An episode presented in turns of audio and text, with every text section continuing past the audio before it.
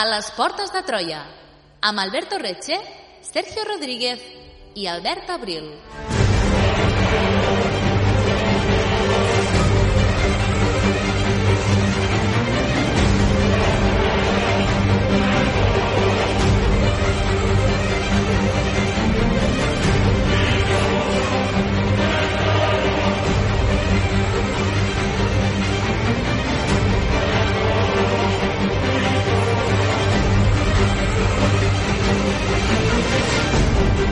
El 29 de desembre de 1386 va succeir un fet que va convulsionar París i tota França. El judici per combat entre el cavaller Jacques de Carrouche i l'escuder Jacques Legris. Feia més de 30 anys que el rei de França no autoritzava un judici d'aquestes característiques i, de fet, el combat entre aquests dos personatges serà la darrera vegada que, sota domini reial, es permeti un d'aquests duels judicials. Quina cadena d'esdeveniments va portar a aquest combat? Què sabem dels fets i de la vida dels tres protagonistes d'aquesta història? Avui repassarem els detalls de les vides de Jean de Carrouche i de la seva dona Marguerite i del favorit del comte d'Alençon, Jacques Legris. Benvinguts a la França medieval. Benvinguts a les portes de Troia.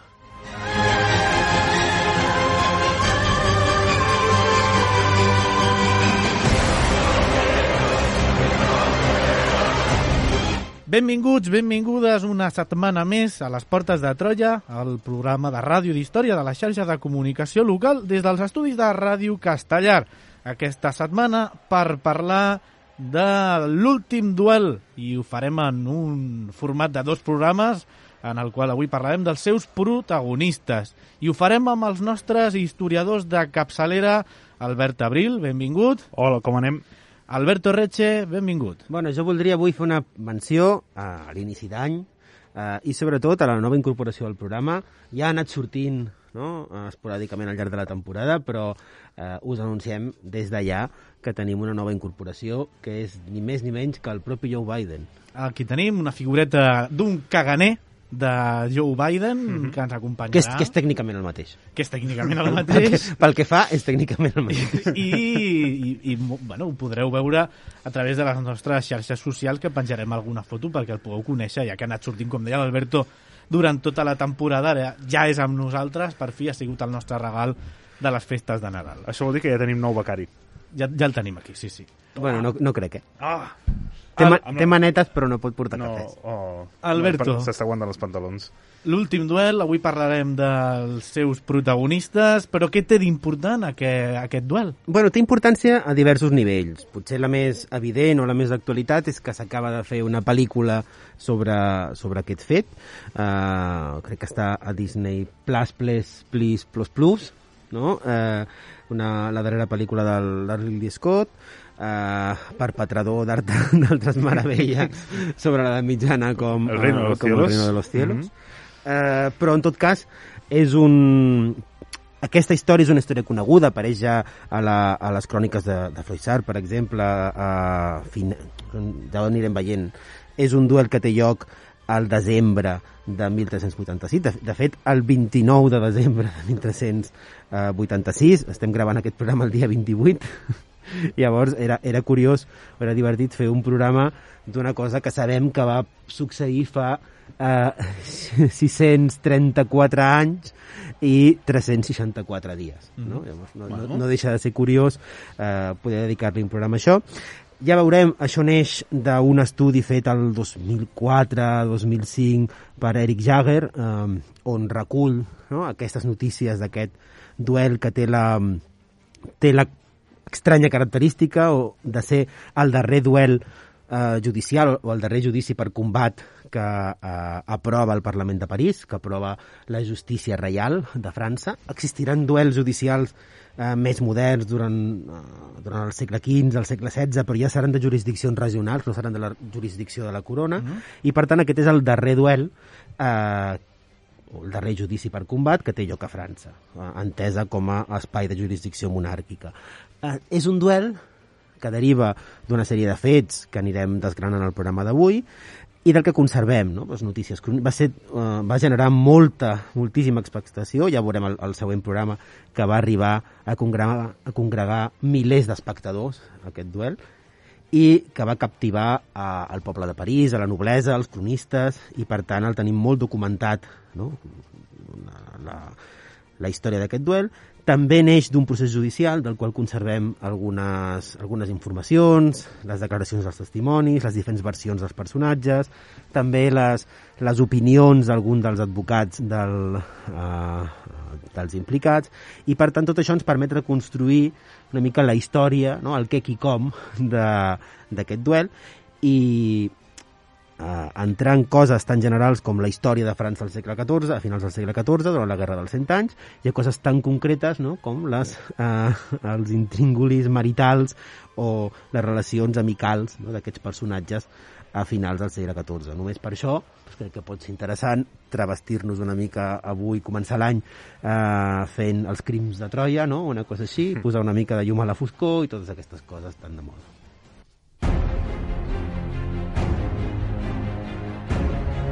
Segueix-nos a facebook.com barra Portes de Troia o a Twitter arroba Portes de Troia. Descarrega't el podcast des d'iBooks o iTunes.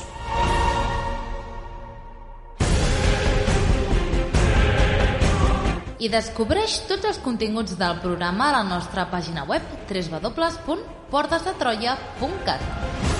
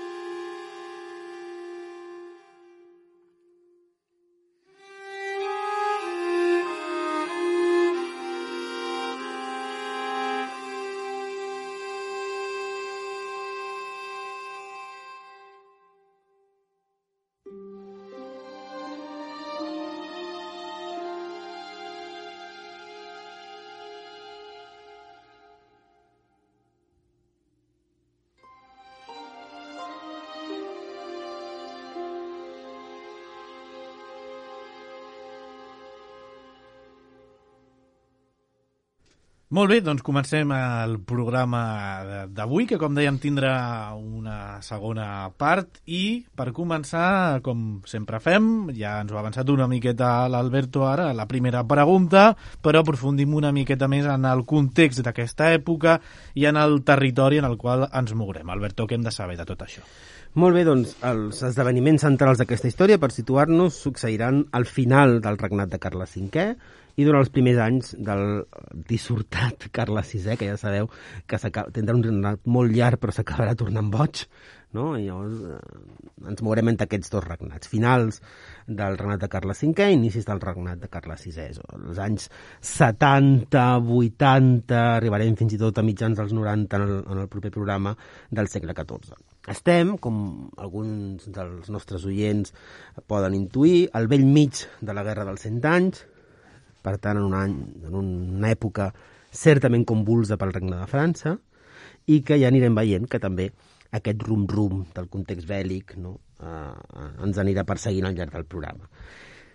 Eh, és també un, un, una època convulsa pel propi Regne de França. Si ens aturem, per exemple, a la tardor de 1380, no? que és on es començaran a coure alguns dels esdeveniments que portaran aquest duel judicial al 1300, al Nadal, no? o el, el 29 de desembre. De fet, dia de Sant Thomas Becket, per eh, fer-nos una mica d'autobombo, eh, fa un parell de temporades vam dedicar un programa precisament no, a l'assassinat de Thomas Becket, que com els nostres oients fidels ja sabran, va tenir lloc el 29 de desembre i per tant eh, a vegades no, doncs, eh, anem enllaçant programes. Tardor de 1380, no? que és el moment en què Carles V mor i el jove Carles VI amb 11-12 anys puja al tron. Bona edat. Sí, bueno... Bona edat per començar bona, a ser rei. Bona edat per començar... És que No hi ha edat bona per ser rei. Ja sabeu que és una feina molt, molt desagraïda, molt, molta responsabilitat, no? s'ha de ser molt bona persona... Bueno, jo no voldria ser rei, és massa responsabilitat. Mm. I total, tampoc ten- tens coses bones a fer, no? No és com si tinguessis dies lliures, poguessis anar-te... No sé, no sé, no entrem en aquest tema. M'he- m'he- promès aquest 2022 no meter-me en, en jaleos. Ens ho apuntem. A veure quan dura. T'ho anirem recordant. En qualsevol cas, tardor de 1380, Carles VI puja al tron eh, i França llavors eh, una, un mosaic de feus molt lluny encara de la idea que tenim de la França moderna o de l'estat francès. No? Per començar, perquè ocupa tot just unes dues terceres parts de la França actual i dins d'aquestes parts, fins i tot, hi havia grans territoris que, eh, que estaven fora del control directe del rei, fins i tot en mans de tres personatges claus, que són els tres oncles d'aquest jove rei que tot just acaba d'arribar al tron. I, I qui eren aquests tres oncles? Aquests eh, tres oncles són ni, men- ni menys ni menys ten tres personatges tan importants en la història de França de finals del segle XIV, principis del segle XV, com Felip, eh, el duc de Borgonya, Lluís, el duc d'Anjou, i Joan, el duc de Berry. No? Aquests tres germans de Carles V eren els tres grans senyors de la França del seu moment i entre els tres controlaven grans porcions del regne. I fins i tot, com en el cas de Felip de Borgonya, no trigaran a, a voler més i a plantejar fins i tot la separació de Borgonya de la corona de França, en tota aquest, aquella cadena d'esdeveniments que vam, a la qual vam dedicar un programa amb, amb, amb Raúl González sobre uh, borgonyons, armanyacs, no? aquell context tan fascinant de, de guerra interna entre faccions nobiliàries a França. Aquests tres oncles de Carles VI aprofitaran la minoria d'edat del rei per pactar un consell, un consell de regència en compte del que havia decidit el, el seu germà Carles V i durant uns anys s'ensenyoriran del domini directe de, de França. No? Eh, la cosa no acaba aquí, però hem de pensar que la Provença encara no forma part de França, sinó que és un domini directe de la Casa d'Anjou i, per tant, fora del control reial. El mateix passava amb la Bretanya, i de la mateixa manera, eh, parts de la Guyena estaven ocupades pels francesos, no? estem en aquest context de la Guerra dels Cent Anys, així com parts de la Normandia i un estratègic, un enclau estratègic, com serà el port de Calais, no? que serà una de les darreres possessions angleses eh, que es mantindrà fins a època moderna. Clar, tu ara mateix ho esmentaves, estem en plena guerra dels 100 anys, però ja sabem que aquesta guerra, doncs a vegades hi ha guerra i a vegades no, a vegades tira per aquí, tira per allà. En aquest moment, contra els anglesos, com ho tenim? Bueno, com ho tenim? Com si nosaltres fóssim francesos. Sí, ui, Sergio, això... Ara, Jo, a veure, com ho tenim? Ara mateix haig de estem amb la pell de França. Jo, jo haig de reconèixer que soc molt borgonyon, po poc armanyac, però en qualsevol cas el que, no Menys. soc, és, el que no soc és francès. Però bueno, tampoc sóc anglès, llavors en, en, en aquesta disputa jo soc, soc neutral com l'Espanya de Franco a la Segona Guerra Mundial. en fi. Bueno, He, he, he durat exactament 3 minuts en... he incomplit la teva paraula. bueno, en qualsevol cas, si vostè, si vostè em pregunta per com li anava a França a la Guerra dels Cent Anys, doncs la resposta és força millor. No? L'inici de la guerra, ja ho sabem, havia estat tremendament favorable als anglesos, no? que s'havien ensenyorit dels camps de batalla, batalles de Poitiers, Crecy, no? també, també hem parlat, eh, hem dedicat programes al tema, mm -hmm. però a poc a poc els francesos van anar recuperant terreny, i pràcticament en el moment que ens ocupa, de fet, la iniciativa bèl·lica eh, estava de part dels francesos, no? que estaven recuperant territoris a França i que es plantejaven fins i tot el, amb, una, amb la seva aliança amb, amb Castella, el domini dels mars i, per tant, la capacitat de poder fins i tot, en alguns moments, ho veurem al llarg del programa d'avui, portar la guerra a territori anglès. Per tant, si la pregunta és com anava la guerra dels cent anys, en aquest moment va una miqueta millor. Molt bé, doncs ara que ja tenim una miqueta el context de, de, de la França del, mo del moment, si et sembla, comencem amb el primer dels nostres personatges, que és uh, Jean Le Carroux. Uh, qui és? Bueno, doncs, eh, eh, Jean Le Carrouge és fill d'un altre Jean, no? seria, eh, el que ens ocupa seria el Jean IV, eh, el Jean Petit.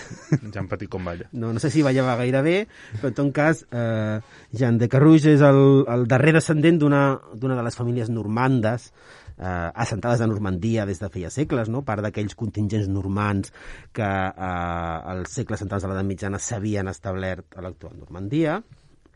El seu pare era un dels principals servidors del conde eh, Robert, eh, Robert de Perche, que és eh, un, un dels cosins del rei, no? un, de, un membre de la família d'Alençon, que era un dels grans senyors de Normandia, i al servei d'aquest eh, conde de Perx, eh, el pare de Jean de Le Carrouge, eh, ostentava la prestigiosa capitania de Belém. Eh, Belém era una gran fortalesa al vell, al vell mig de la Normandia i que havia estat sota control familiar no? de la família de, del nostre primer protagonista durant, com a mínim, feia 40 anys. No? L'avi primer i després el seu pare havien eh, tingut llargues capitanies en aquest, en aquest castell, que podia ser una mena de sort de castell, no era un castell, no era castell familiar, no, no era castell patrimonial de la família, però ja sabeu que aquestes llargues capitanies en castell moltes vegades derivaven en entendre que aquella castellania, que aquella plaça militar era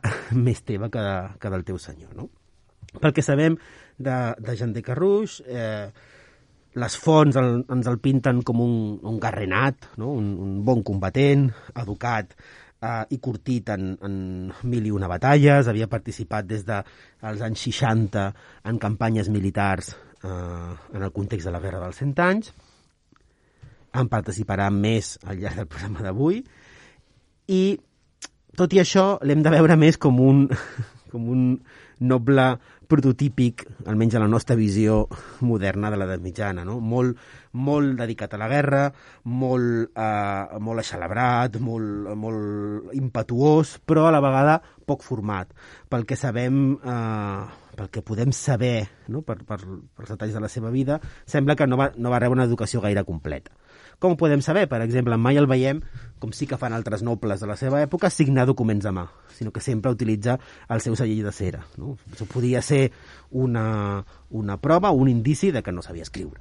No? O, o que era molt fàcil, no ho sabem, no? però quadra amb aquest personatge perquè veurem no, al llarg de tot el procés judicial que sembla que estem davant d'una persona molt impetuosa, poc educada, no? molt, molt guerrera. Clar, per tot el que estàs explicant, podem pensar que estem davant d'un cavaller. Eh, no exactament. Eh, dins de la jerarquia de la jerarquia nobiliària francesa no? tenim el, els barons, no? els pars, no? la gran noblesa, després tenim un grau intermig, un rang intermig, que són el, el, els chevaliers, no? els, cavallers, els cavallers, i després eh, tenim eh, els escuders, no? que és aquesta noblesa inferior, que encara no ha, no ha rebut el rang de cavaller, i que, per tant, està dins de les parenteles nobiliàries, però diguem que és un noble de baixa estofa, no? és el rang més baix de la noblesa.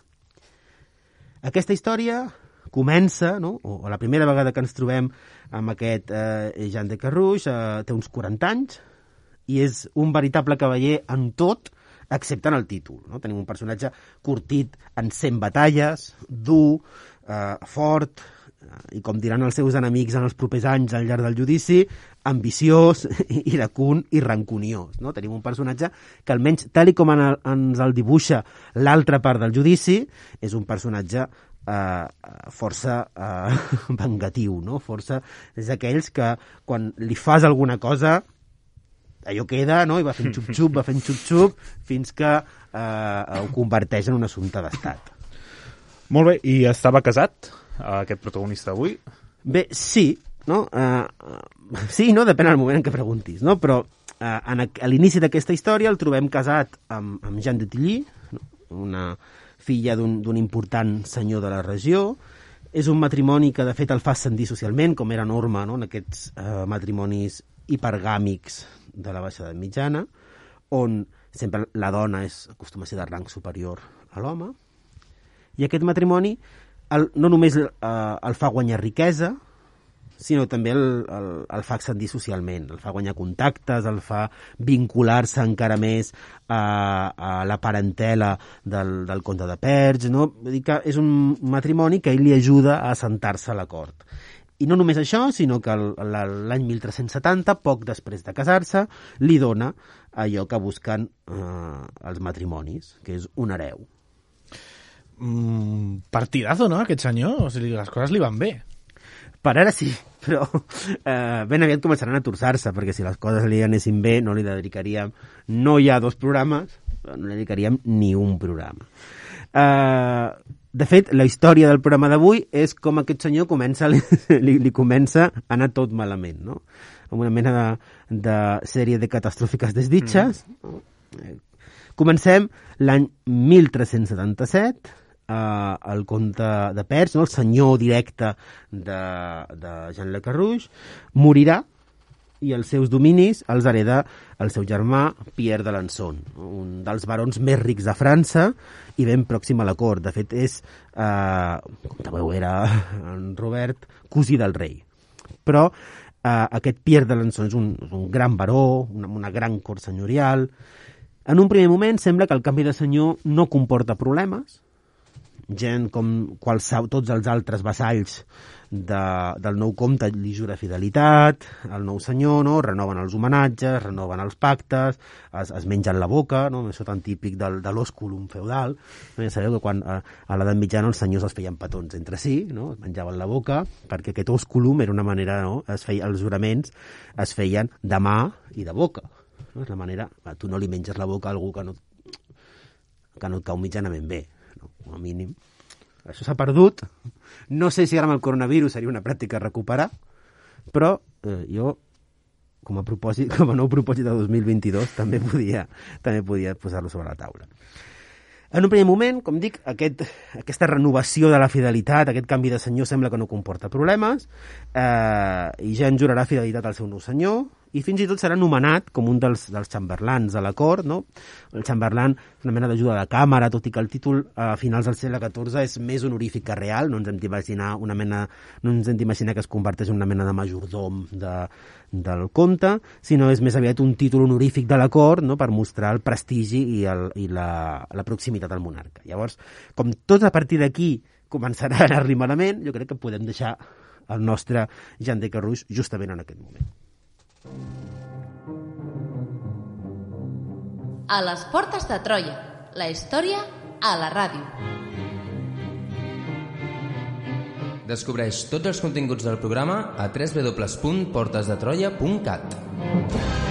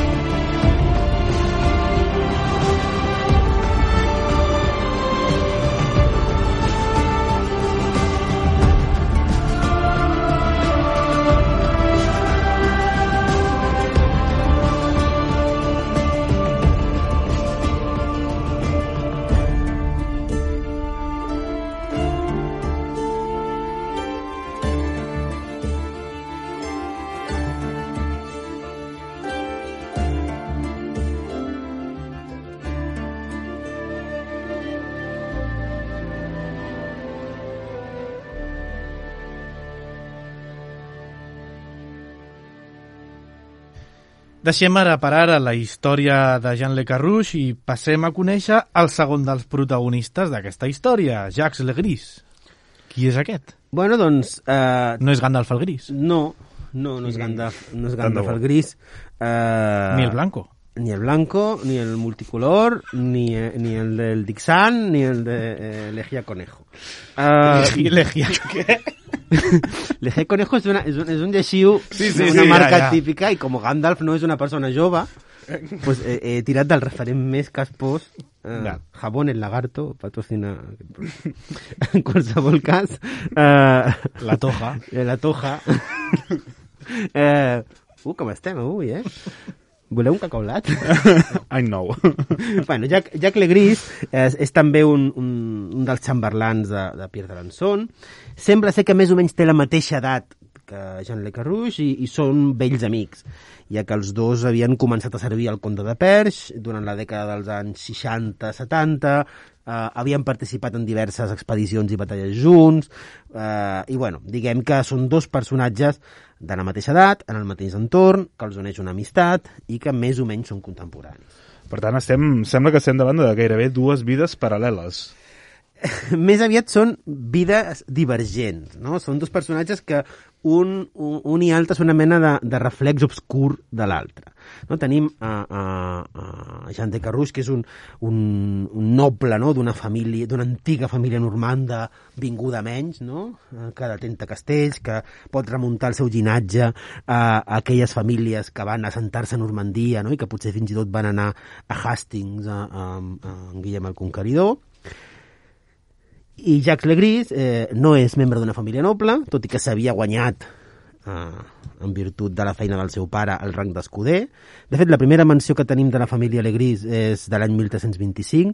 Eh, Jacques neix al voltant de 1330 i aquesta primera referència referida a Guillaume, el, el seu pare, eh, ens el situa en un context d'un personatge que s'enriqueix comprant terres, fent negocis en aquest moment convuls de les caresties de, de blat, de les fams, els mals anys primers i segons, no? i durant la pesta negra.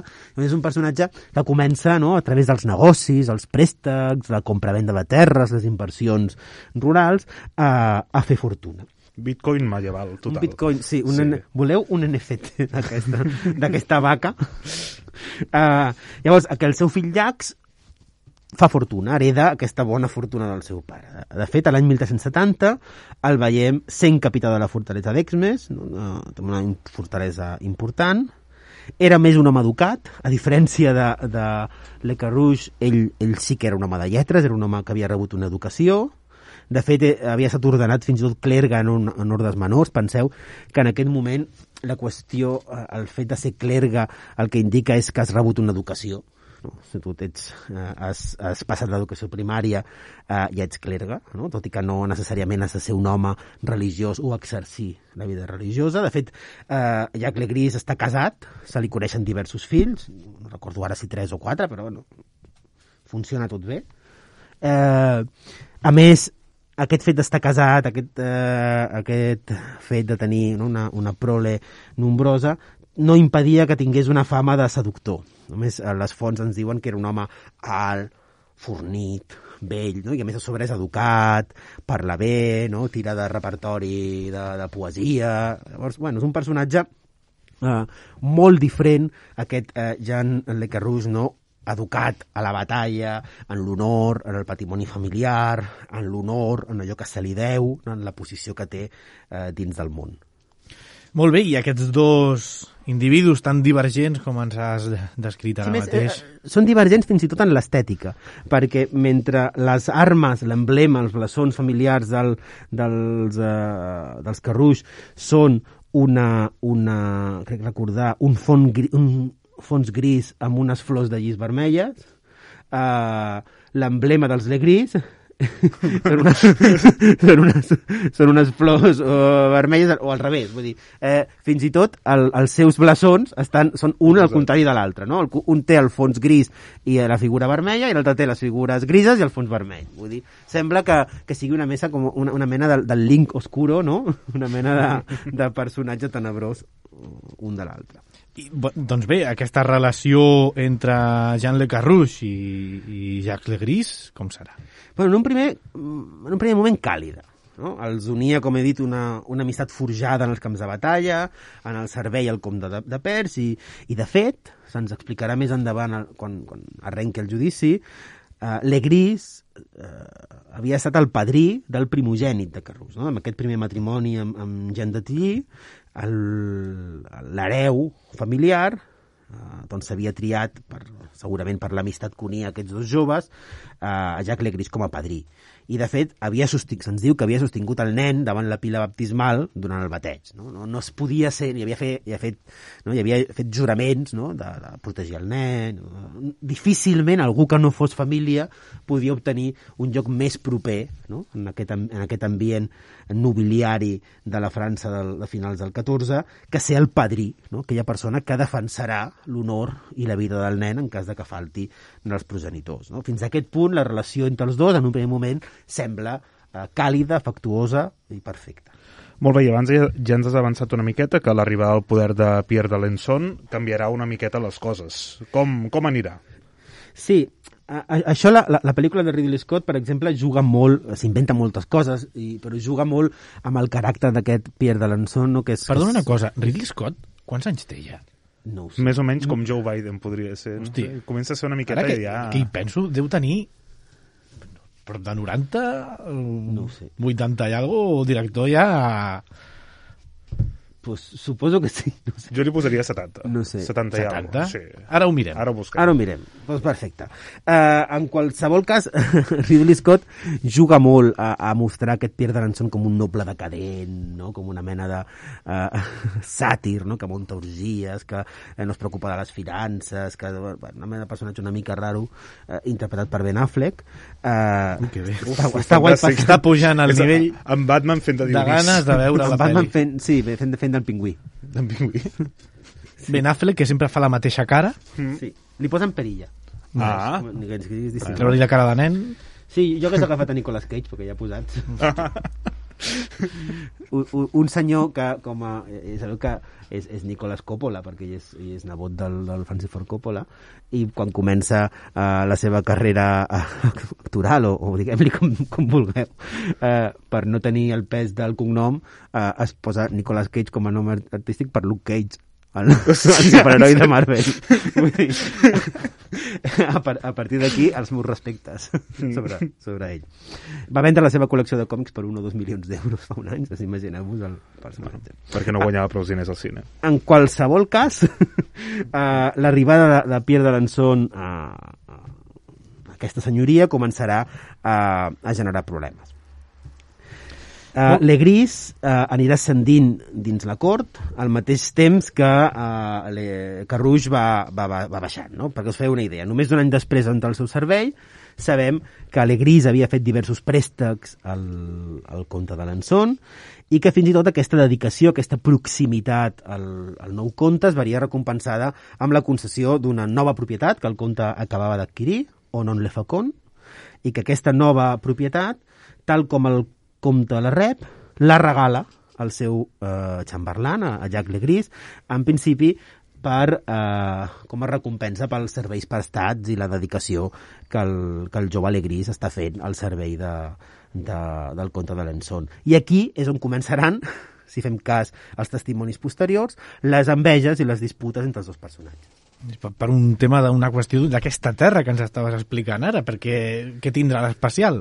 Doncs tornem a, a, a Jean de Carrús. No? L'havíem deixat a finals, o l'havíem deixat a la dècada dels 70, eh, el trobem ara a finals de la dècada de, dels 70, no? el canvi a la, a la senyoria eh, és, és el 1377, doncs poc després sabem que ha perdut a la seva dona, que ha perdut el seu fill, la dona i el fill han mort, i que ell pràcticament està arruïnat penseu també en el context que estem, de guerra, rebrots de la pesta negra, no, no sabem ben bé per què van morir, però bueno, ens podem imaginar que en aquell calamitós segle, com deia Bàrbara, Bàrbara Tuchman, que era el, el segle XIV, doncs passaven, passaven coses. Arrel de tot això, eh, eh, Jean-Rec Rouge decideix fer el que fan doncs, eh, els quarantons quan tenen una crisi, que és... Eh, bueno, ho feien abans, ara, ara suposo que es compren una Harley o un descapotable. Abans el que feien, a la Guerra dels Cent Anys, era embarcar-se en una campanya militar. Llavors ell decideix deixar-ho tot i anar-se a lluitar contra els anglesos de la, a Normandia, la campanya que s'està fent en aquells anys. Estem a l'any 1379 i això és una veritable temeritat, perquè si mor sense hereus, el patrimoni familiar es perdrà. Molt bé, uh, per tant és un panorama bastant, bueno, bastant difícil per ell, per la seva herència, per la seva família, així que nosaltres suposem que ell el que intenta fer és buscar una nova esposa per, per, per perpetrar el seu patrimoni, Sí. o no? Uh, de fet, és el que farà. Ell al tornar d'aquesta expedició, on literalment es juga la vida, i no només això, sinó que es juga la, el patrimoni familiar, no? perquè només hi ha una cosa que un, que un, un noble valori més que la seva vida és, és la seva herència, no? és la seva herència familiar, el seu patrimoni, allò que el distingeix no? de la resta de, de persones. I eh, Jean de Carrouge, quan torna d'aquesta expedició, l'any 1380, que és l'any, no? justament l'any de la coronació del jove Carles VI, sabem que Jean ha trobat una núvia. Ha decidit tornar a casar-se, ha, ha decidit contreure segones núpcies, uh -huh. i el trobem eh, ja no? encarrilat amb la nova dona que tria, una tal Marguerite de Tiuill, eh, que és una noia jove, hereva d'una antiga família normanda, d'aquesta sí se sap que un dels seus antecessors va combatre a Hastings, no? per tant estem en el moll, no? el nucli dur de, de la noblesa normanda, la que acompanyarà Guillem el Conqueridor a l'any 1066 a la conquesta d'Anglaterra, i per tant jove, hereva d'una antiga família, normanda com ell, i a més amb bones terres. Bueno, tot està perfecte, ni hombres ni mujeres i viceversa, això, dir, és una cosa meravellosa. Sí, Jan de Carrús té un, té un defecte que quan tot sembla que li va bé en re, realment és la- l'avançala de que tot li vagi molt malament, perquè que aquesta Margarit només té un defecte, que és ser filla de, de Robert de Tiuill, eh, que és eh, precisament conegut per haver traït dues vegades diferents, en dues ocasions diferents, als reis de França, posant-se en aquest convuls context de la guerra del, dels Cent Anys, la invasió anglesa a Normandia, les revoltes no, a, a Navarra, els diferents candidats al tron, bla, bla, bla, s'havia col·locat sempre al costat dels enemics del rei de França que acaba guanyant. I, per tant, eh, tot i que va ser perdonat, tot i que va ser amnistiat, no deixava... I, i aquests actes van succeir eh, abans del naixement de Margarit, eh, no deixa de ser una gran josa saber que ets filla d'un traïdor a la corona, no? no només d'un traïdor a la corona, d'un senyor que ha traït a la corona dues vegades. No? Llavors aquesta, aquest estigma de filla d'un traïdor acompanyarà a, a Margarita al llarg de tota la seva vida. I com es relaciona aquest matrimoni amb un Le Faucon, la terra que Pierre d'Alençon eh, i la terra que Pierre d'Alençon havia regalat a Jacques Legris? Doncs, molt bona pregunta, me la pots tornar a repetir? No, crec que no la repetiré perquè me'n sumo alguna trampa per aquí al No, mig. no, home, no. Eh, doncs resulta que aquesta terra, no, eh, Onon Le Facon, que és precisament la terra eh, que Jacques Legris havia rebut del conte no, com, a, com a regal per serveis prestats, era una terra que el eh, Pierre d'Alençon havia comprat al pare de Margarit. Sembla ser que comprat és un eufemisme per, eh, per extorsionar-lo, obligar-lo a vendre. Ja que eh, Robert, el pare de Margarit, tenia deudes importants amb, amb, amb d'Alençon i, i per tant sembla ser que és obligat a vendre aquesta terra a, a, a un preu més baix perquè realment és una terra molt bona doncs potser la gran, la gran parcel·la, la gran terra, la gran contrada que té, que té la família, és obligat a vendre-la a un preu simbòlic no? per cobrir les despeses d'allò que se li deu. Segurament sabem, també sabem que Jacques Legris eh, havia deixat importants sumes de diners a Pierre d'Alençon i segurament no? eh, aquí hi ha un joc a tres en la que s'aconsegueix eh, que eh, Robert de Tiuill pagui el que deu no? i amb aquesta terra eh, Pierre d'Alençon recompensa no? i cancela el deute que tenia amb el seu xamberlan. Quin és el problema?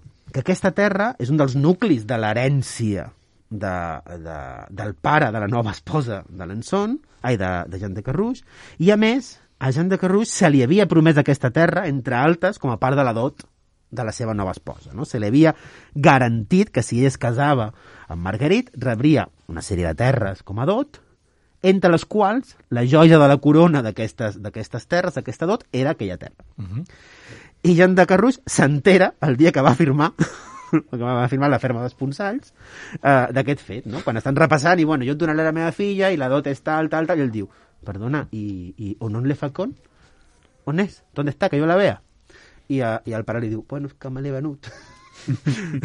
però me la vas prometre, sí, però és que després va venir el, el comte Pierre i va no sé què i tal. I resulta que, clar, aquella, ell s'havia casat per moltes coses, però sobretot no, per, per eh, accedir a aquesta quantiosa herència de la seva dona, resulta que la, la terra més sucosa, més suculenta d'aquesta herència eh, se li havia esfumat, i no només això, sinó que l- se l'havia quedat el que se suposava que era el seu millor amic. Mm. Ah, ten amigos para esto. Ja estem arribant aquí Ja estem a... arribant al suquito. al Sí, suquito. sí. Bueno, se sentirà de traït, eh, encabronat, farà alguna cosa. Sí, primer ella es casa, diu, bueno, mira, menos, menos és nada, no?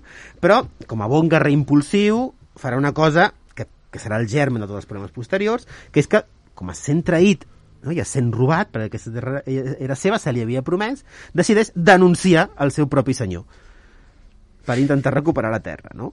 Eh, és a dir, Molt ell, idea. que no feia ni, ni tres anys, dos, tres anys, que havia canviat de senyor, que havia jurat fidelitat al nou eh, senyor que tenia per sobre, aquest Pierre d'Alençon, cosí del rei, no? un dels personatges més rics i importants de França, en un context en què l'alta noblesa a França té molt poder, doncs decideix, ni corto ni perezoso, fotre-li una denúncia al seu senyor dient-li que li ha robat la terra que era seva i que, per tant, s'obri un judici que es demostri que aquella terra se li havia promès a ell per la dot de la seva esposa i que li, que li tornin. Com us podeu imaginar, surt malament la cosa. Carles V, poc abans de morir, eh, aquest plet és de 1379, uf, 80, Carles eh, V mor eh, l'any 80, poc abans de morir, una de les últimes coses que fa és ratificar la venda que havia fet el pare de, de Margarit i diu que aquesta terra és del comte d'Alençon, que això és així, no? que el rei eh, ratifica aquesta venda i que no hi ha disputa possible i que, per tant, aquest judici, aquesta reclamació de, de Jean de Carrús sobre aquesta terra no té cap mena de base legal i que, per tant, que s'aguanti. Molt bé, i aquí acabem el programa. No? Eh. Si no hi ha disputa, no... No hi ha duel? No hi ha No, duel, no, no, no però clar, és que el duel no vindrà per això. Però, i fixeu-vos, en aquest moment, eh, Jean de Carrús ha perdut en tot. Per què? S'ha anat, ha perdut la primera esposa, ha perdut el primogènit, s'ha anat a la guerra, no, no en surt bé, torna, es vol casar, eh, braguetazo... Eh, ha acabat sense la terra que volia, quedant malament davant del rei, no? que ha d'intervenir el rei dient eh, frena, tio, que no tens raó.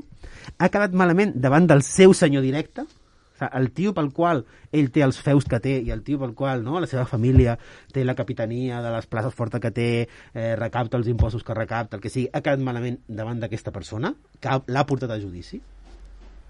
I a sobre eh, s'ha casat amb la filla d'una família de traïdors.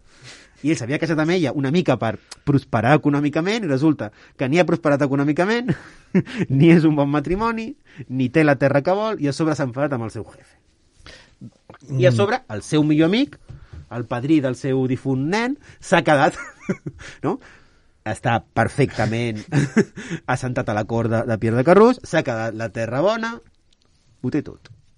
Ara, poder això sí que és un motiu perquè es trenqui l'amistat entre Carruix i la Gris. Sí, rotundament sí. De fet, Legris havia estat el padrí del seu primer fill i en aquest nou matrimoni, no? en aquest nou matrimoni entre Jean, Le Carrou, de Jean de Carrús i, i Marguerite, no està ni convidat a la boda. No, no, no hi ha un divorci no hi ha, no hi ha un divorci més evident que això passar de ser la persona més de confiança no? d'una persona a no estar ni convidat a la boda. I quedaran així les coses? No, ni molt menys, perquè mentre Carruix cau en desgràcia a, a ulls de Pierre d'Alençon, Legris no fa res més que ascendir. Pocs mesos després, l'any 1381, per exemple, serà enviat a París com a representant d'Alençó a unes negociacions. Allà contactarà amb el rei, es, ell, ell, clar, penseu, és un tio guapo, seductor, amb pasta, prestigi, eh, saber estar... Eh, aconseguirà fins i tot ser nomenat escuder reial. No? Llavors tenim un personatge que està, és persona de confiança del comte d'Alençon, del cosí del, del rei, eh, va a París, encandila tothom, és nomenat escuder reial, I, i mentrestant, què farà uh, Jean Le Carrouix? doncs bàsicament esperar que el seu pare mori. Vale. Diu, no està la cosa, no està la cosa com toca, Millor no faig res més, no que faig res més, a veure, a veure, a veure si se'n mor el papa. com, hem, com hem dit abans, eh, el, el pare, no, eh, Jan III de Carruix, és el, el capità d'una gran fortalesa, la fortalesa de, de Belém, i eh, Jan pensava que quan morís, no, com, a, com ja havia passat, com aquesta fortalesa havia estat de l'avi, havia estat del pare, doncs ja estava esperant que quan el pare morís, ell fos ratificat com a nou capità d'aquesta fortalesa, amb tot el que comportava de, de prestigi social, capacitat de reclutar eh, eh, soldats, no? tenir terres a la seva disposició, recaptar impostos, mm -hmm. bueno, pues, no? Con- convertir-se de nou en un personatge important de la cort. No, això fa bona pinta, per fi, fer un Rajoy, és a dir, no fer res i esperar que Jo- se't mori el pare. Jo no sé, jo ja no em faig il·lusions. Es faria bona pinta si no fos, si el personatge no fos el personatge. Que, Exacte. que Li canvia la sort ja a la no, mort del no, seu pare? No, de fet, el pare mor, bien, check, no? Vale, check. però quan el pare mor, Pierre d'Alençon decideix concedir la capitania de, de Belém a una altra persona. Eh, Ridley Scott a la seva pel·li, per rizar el rizo, el que diu és que eh, li concedeixen a Jacques Legris, que no és així. Val. Però, per, però no fa falta, no? Penseu, eh, eh, que està qüestionant la seva capacitat per fer-se càrrec de les seves obligacions. Tu ets un noble, tu vens d'una família, vens de la família que vens, tens una posició social determinada, tens un prestigi, tens unes terres, tens una capacitat, esperes, no?, mantenir això, esperes seguir la nissaga familiar, no? fent-te càrrec de la tenència del castell, de la fortalesa que, que la família porta anys fent. I llavors arriba Pierre d'Alençon, el tio que acabes de denunciar, l'acabes dit lladre, no sé què, no sé quan, i diu que ets un inepte, que ets un idiota i que, que, que evidentment no estàs capacitat ni mental, no? ni, eh, no? ni mental, no estàs capacitat mentalment per ser capità d'una fortalesa important i que, per tant, eh, li dona una altra persona. I què farà per, per lluitar contra aquesta situació Pues de nou injusta si contra tu ell? estàs, Si tu estàs aquí perquè has denunciat el teu jefe, què és el que segur funciona? Tornar a denunciar el teu jefe, no? Llavors, eh, eh, Jean Lerouge, eh, Jean Le Carrouge torna a moure un judici contra el seu senyor, contra Pierre d'Alençon, i el torna a prendre. Ah, És un personatge que no aprèn. A- En absolut. De fet, hi haurà un, un, un tercer litigi entre els dos personatges. L'1 de març de 1383, eh, Jean, eh, Jean de Carrouge ha fet uns dinerons i decideix comprar unes terres, que una oferta no, d'unes terres que han sortit, que s'ha mort la família, i ell decideix comprar-les a, a, a Guigny. Eh, un bon negoci, i llavors ell, sense avisar ningú, decideix comprar la terra. Què és el que passa? Que aquestes terres eh, estaven sota jurisdicció de Pierre d'Alençon, que per tant tenia dret a compra preferent sobre les mateixes. Tenia dret, el que avui es diu eh, dret de tanteig, no? Si aquesta terra sortia a la venda pel que fos, ell, com a senyor d'aquella terra, podia igualar el preu de l'oferta més alta per quedar-se-la. Llavors, eh, Jean de Carrús diu, jo la compro sense avisar ningú, aquesta és meva, no sé què, no sé quan. Què passa? Que quan Pierre d'Alençon s'assabenta, decideix exercir el seu dret i li treu les terres, no? Li diu, tu què has pagat? Això, té, t'ho torno i me la quedo jo.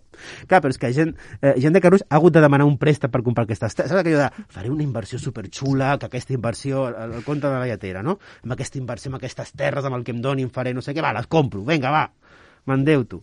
I llavors arriba a Pierre d'Alençon i, se, i li treu.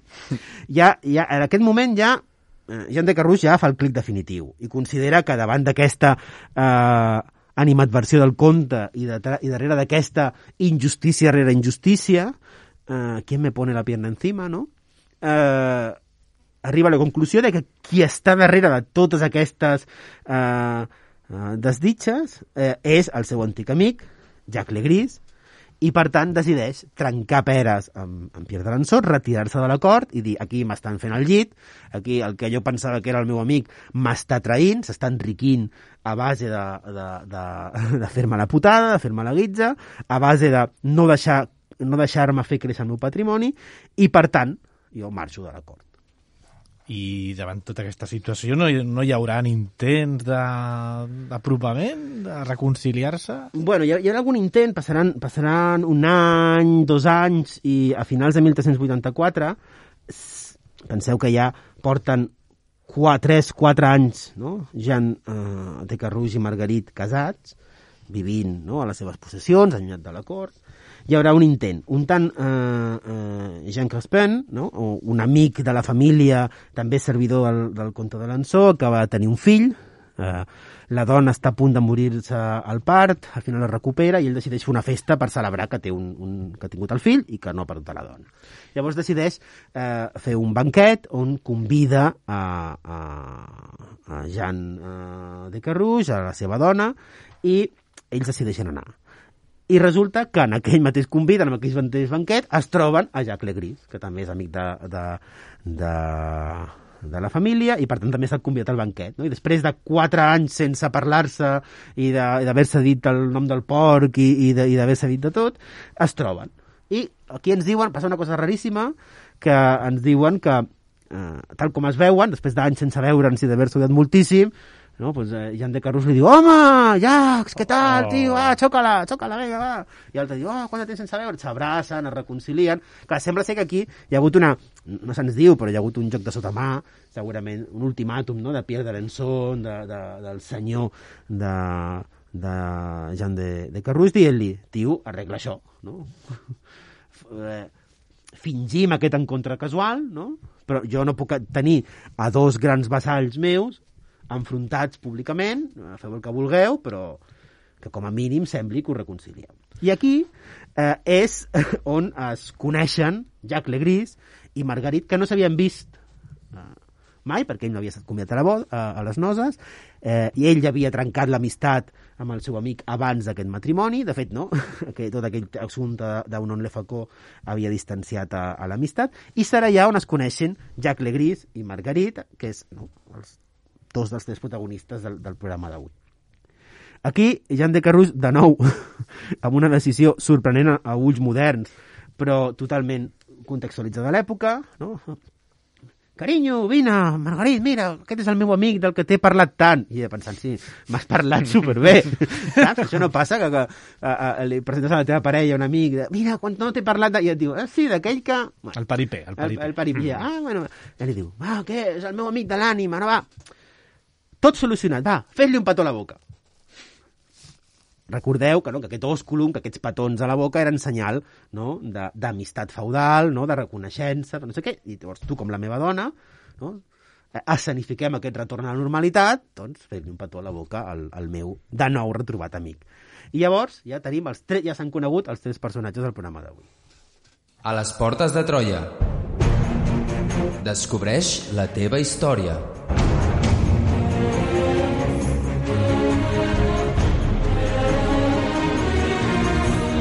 Troba'ns a facebook.com barra Portes de Troia i a Twitter arroba Portes de Troia.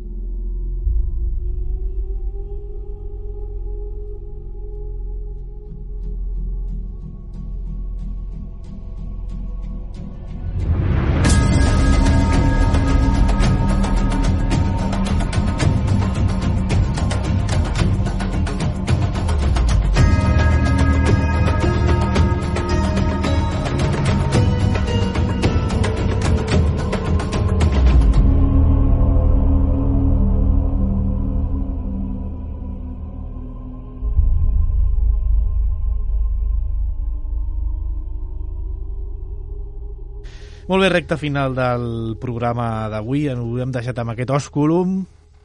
Sí, i hem de pensar que les coses milloraran a partir d'aquest punt, però no és així. 1385, Jean de Carrouche, a punt d'estar arruïnat, decideix jugar-ho tot a una, a una carta. Eh, S'acaba de- de- d'anunciar una campanya a, a Escòcia, no? juntament amb l'exèrcit escocès intentarà fer un, un atac a Anglaterra, i llavors ell decideix participar-hi per intentar reunir riqueses, recuperar-se dels desastres econòmics dels anys anteriors, no? intentar progressar. Eh, obten... Penseu una de les coses, a més del sou, eh, per participar com a escuder i com a soldat a la guerra, que era pràcticament el mateix del que guanyaven les, en, en rendes feudals en un any, eh, hi ha tot el tema de, dels hostatges, no? de, eh, del botí, i per tant, ell decideix apostar-ho tot a aquesta campanya. Una campanya que ja us avanço que serà un desastre. Els escocesos no acaben de funcionar, eh, tot comença a anar malament, hi ha una sèrie d'incursions que no funcionen, s'aconsegueix prendre el castell de, de, el castell de Wark, però a un gran cost, no? imagineu-vos assetjar un castell de finals del segle XIV del que suposa, s'aconsegueix, però no aconsegueixen mantenir el, la plaça, i quan eh, un nou exèrcit anglès ve han de fugir, i per tant, eh, bueno, una sèrie de, de, també de nou de desastres, ja en torna a finals d'any, a finals de 1385, amb les mans buides, amb els eh, companys que havien anat d'aventures tots morts, malalt, endeutat, perquè no només no havia guanyat diners, sinó que tot el que s'havia gastat per comprar-se el cavall, l'armadura, el no sé què, el no sé quan, eh, ho havia perdut, no? Només li queda una cosa, més, el, el, el tresorer reial encara li deu diners del, del seu jornal, només li queda una cosa bona, que és que en el transcurs d'aquesta campanya militar ha estat nomenat cavaller, ha pujat de nivell, no? ha deixat de ser escuder per convertir-se en cavaller. Per tant, tenim tota una sèrie de problemes, però tenim una petita cosa positiva. Sí, serà cavaller, llavors ell intenta reordenar no? uh, uh, la seva hisenda, agafa la seva dona, amb la que porta un any sense veure, i decideix, nena, te'n vas a viure amb la, teva, amb la meva mare uns dies, no van a visitar la, a la sogra, a, a Nicole de Carrouge, mentre ell uh, acabarà de posar en ordre uh, el tema del, del sou que se li deu per aquesta campanya militar, i per tant deixa a la, a, a la seva dona amb la sogra, amb la seva mare, a la mare d'ell, eh, vull dir, mentre ell anirà a París a pladejar com per obtenir el seu sou. I penseu, tot li, anat, tot li anava malament, ara torna a ser cavaller, torna pujat, però a la vegada rancuniós, i decideix a mig camí aturar-se a Argentan, no? que és el, la, el centre de la cort de Pierre d'Alençon, no? per, per, per rastregar-li a la gent que ell ara és nou cavaller. Però això no està exempt de problemes, oi? No, clar, ja, com us podeu imaginar, es torna a trobar amb, amb Legris, no? Uh, uh, Home, què tal? Uh, Jan, per on va? Sí, vaig a París, a que em paguin el que he agafat la meva dona, l'he deixat amb, la meva mare, estan allà les dues soles uh, al castell de la meva mare, i jo ara m'aniré a París, i tal, ah, doncs que bé, no?, que et vagin bé les coses. Comencen a parlar i llavors comencen de nou a discutir. La, la diferència, no? Eh, Jan de Carrús li diu eh, eh, Jacques, tu també és un escuder, però ets un puto covard, perquè mentre jo m'he anat a Escòcia i a Anglaterra a, a partir-me la cara, no? I que em tirin eh, oli bullent i, i fletxes i tal, tu t'has quedat aquí com un, com un puto covard. Eh? Clar, perquè llavors eh, eh, Jacques Legris li contesta i, i Jan de Carrús li diu espera, espera, espera, espera. Soy caballero. Que ara jo soc cavaller i tu ets escuder, Ah, ah. així que calles la puta boca. Perquè aquí ara qui mana sóc jo. I tu un covard, un traïdor, un farso, un insincero, eh? I aquí ara mano. Total, que ell se'n torna a París i us podeu imaginar que eh, Jacques Legris comença a planejar la seva de venjança. Eh, Jean de Carus ha dit que la seva dona està sola amb la seva mare i per tant ell envia a, a, un, a un dels seus servidors, Adam Lowell, que és un dels seus homes de confiança, de fet és el- l'home, el, el seu alcabot, el que, li, el que li gestiona les aventures extramatrimonials i, de, i, li, i li diu que vagi no, a vigilar a veure què pot saber de la seva dona. I reunirà alguna informació important? Eh, sí, de fet no passaran ni dues setmanes, amb això tanquem el programa, perquè no cal tampoc recrear-se en, en, en aquest fet. Eh, S'assabenten que Margarita es quedarà sola al castell familiar, no? al sotó familiar, perquè la seva sogra ha d'anar el 18 de gener a actuar com a testimoni en un judici a una, a una vila que està a un dia de distància que, per, i es veu que s'emportarà a tot el seguit, no? a, tot, a tot el comici eh, familiar, i per tant Margarit, a qui Jan de, eh, Jan de Carrús havia donat l'ordre de no sortir de casa, es quedarà sola. Llavors ja us podeu imaginar quina serà la venjança. No? Uh, Jacques Legris monta tota una mena, monta una coartada, no? viatge d'incògnit i aprofita que ella està sola per no? entrar a la casa i violar-la. I ho hem de deixar aquí. El desenllaç vindrà en el pròxim programa de les Portes de Troia, on veurem com acaba tot això. Molt, moltíssimes gràcies, Albert Abril. Moltes gràcies a vosaltres. Alberto Recci, moltíssimes gràcies. Al Salva Soler, el control tècnic. Us esperem al pròxim programa de les Portes de Troia.